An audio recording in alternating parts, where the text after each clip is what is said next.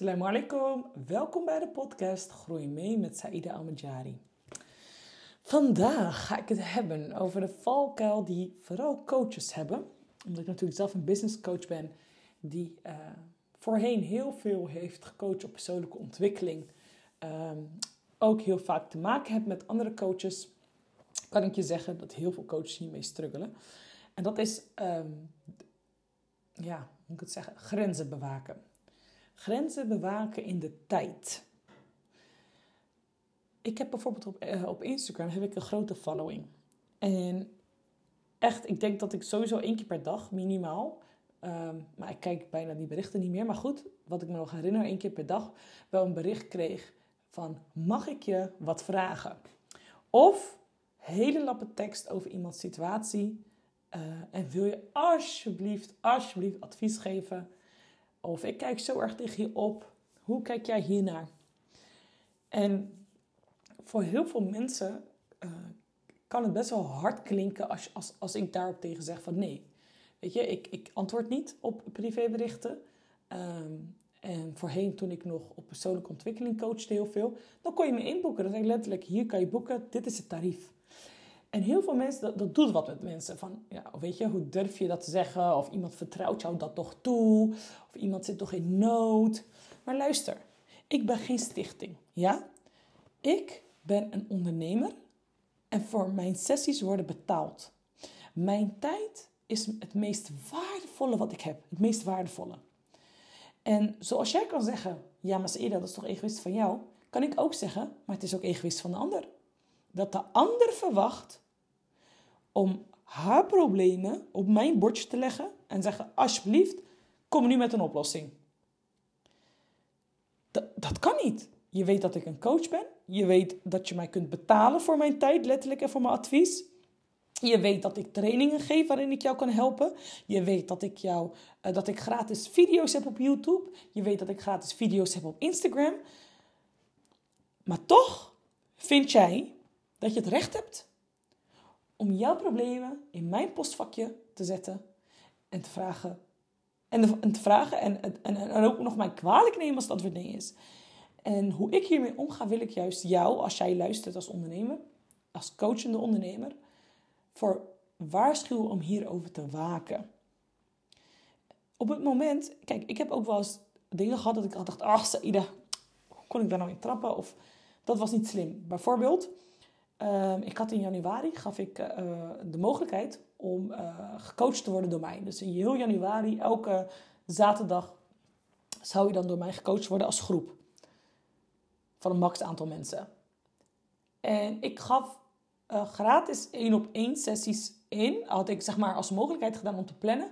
Voor het geval je nog niet zeker wist of je, bij, of je daarbij paste of niet. Maar ik had dus al heel duidelijk de prijs gecommuniceerd, et cetera. Ik ben altijd heel duidelijk over prijzen. Want ik wil niet mijn tijd verdoen met jou overtuigen dat mijn prijs waard is. Als jij denkt dat het niet waard is, ja prima, zoek maar iemand anders. Weet je, ik sta achter mijn prijzen en ik heb daar geen zin in om jou te overtuigen dat het zo, moet, dat het zo is. Uh, of ja, of over kortingen te praten. Weet je, nee. Uh, dus dat doe ik altijd heel duidelijk. Dus dat ik in ieder geval vanzelf de mensen wegfilter die, die het geld er niet voor over hebben of niet willen. En dat scheelt mij weer in mijn tijd. Nou, dus dan had ik iemand, uh, zo'n sessie. En diegene, zij deed heel haar verhaal. Ik heb denk ik, en dit is mijn eigen uh, les geweest hè. Minimaal 30 minuten, misschien 40 minuten geluisterd naar deze persoon. En die kwam, het leek net alsof ik gewoon in een dramaserie zat. En ik had nog geduld, want die coaching sessies waren ook gebaseerd ook voor mensen die vastliepen in hun persoonlijke ontwikkeling. Maar goed, zoals ik zei, ik leer ook tijdens mijn reis. En wat denk je?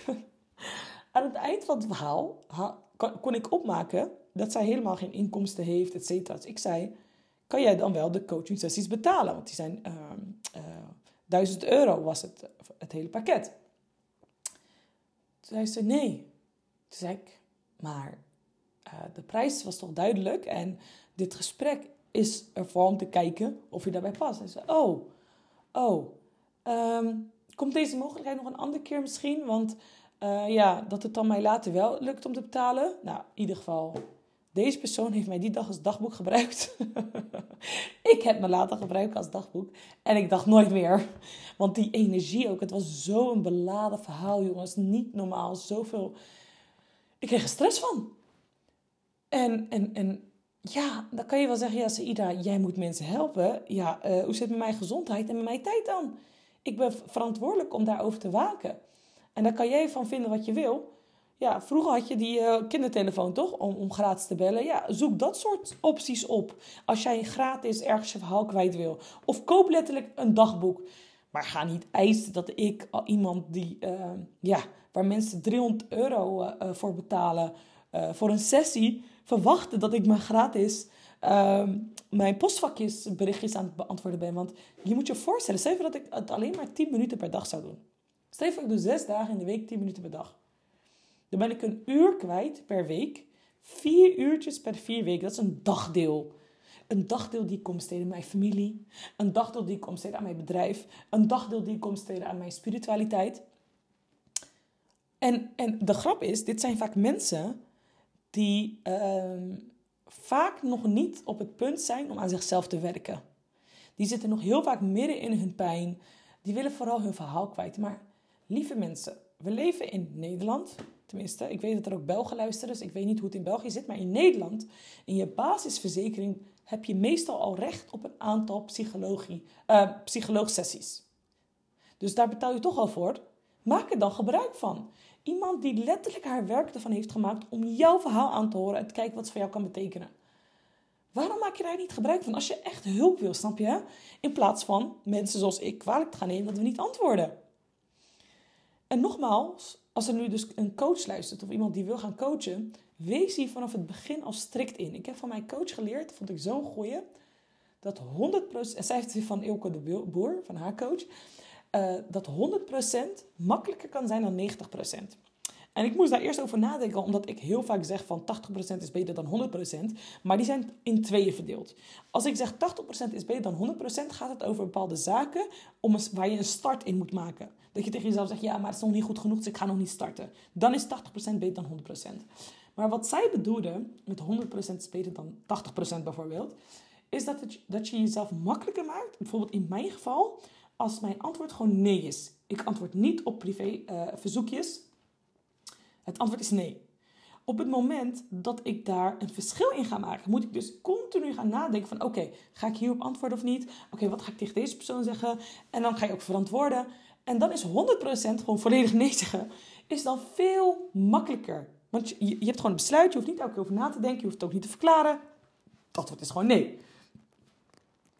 Aan de andere kant natuurlijk, in mijn betaalde project, trajecten, krijgen mensen volop mijn aandacht, maar ook nog steeds binnen de grenzen.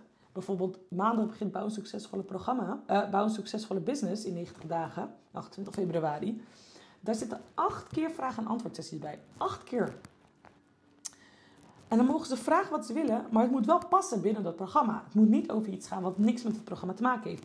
En dat zijn kaders waar ik verantwoordelijk over ben om ze te plaatsen. En dat is juist, ik vind dat juist bij professionaliteit horen. Bij een, bij een ondernemer die leiderschap toont. En heel veel coaches vinden dat eng, want ze zijn gevoelig, et cetera. Ze vinden het zielig. Ja, ik vind, ik, vind, ik vind het ook zielig voor mezelf als ik, uh, als ik een dag kwijt ben aan, aan, aan berichten beantwoorden bij mensen die toch niet mijn klant gaan worden. Uh, waarschijnlijk ook niks meer gaan doen wat ik heb gezegd. Maar dat ik gewoon even een dagboek voor ze was. Weet je, dus waarin bewaak, bewaak je over je grenzen? Want nu, nu misschien als startende heb je nog misschien alle tijd. Maar je moet al gaan handelen als iemand die straks geen tijd daarvoor heeft. En het, is, het maakt het alleen maar makkelijker als je je nu al zo gedraagt en nu al zo opzet, dan dat je het later nog moet doen, terwijl je dan toch al super druk hebt. Oké, nou dan hebben meteen de mensen allemaal antwoord die soms gewoon niet begrijpen waarom ik, waarom ik uh, geen privévragen beantwoord. Uh, ja, zelfs nu, als mensen me ervoor betalen, zeg ik nee als het gaat om bepaalde onderwerpen. Uh, ik ben echt resultaatgericht. Dus wil jij een onderneming starten, je weet niet hoe, dan kan je bij mij zijn. Loop je vast in je ondernemerschap, dan kan je bij mij zijn. Uh, alles wat daarmee te maken heeft, dan kan je een sessie boeken. Uh, en, en, en dan heb ik, ben ik een en al oor en, en kom ik met uh, oplossingen voor je.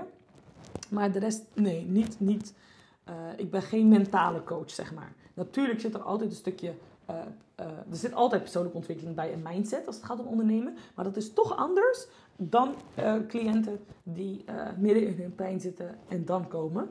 En dat is een keuze die ik heb gemaakt. En ik ben vrij om die keuze natuurlijk te maken. Zoals jij ook vrij bent om jouw keuzes te maken. Dus denk er even over na. Kijk wat het ook met je doet. Kan zijn dat ik je heb getriggerd. Ook interessant om te bekijken waarom dat eigenlijk zo is. maar op lange termijn zijn mensen me meestal dankbaar. Dankjewel voor het luisteren en tot morgen inshallah. Salam alaikum.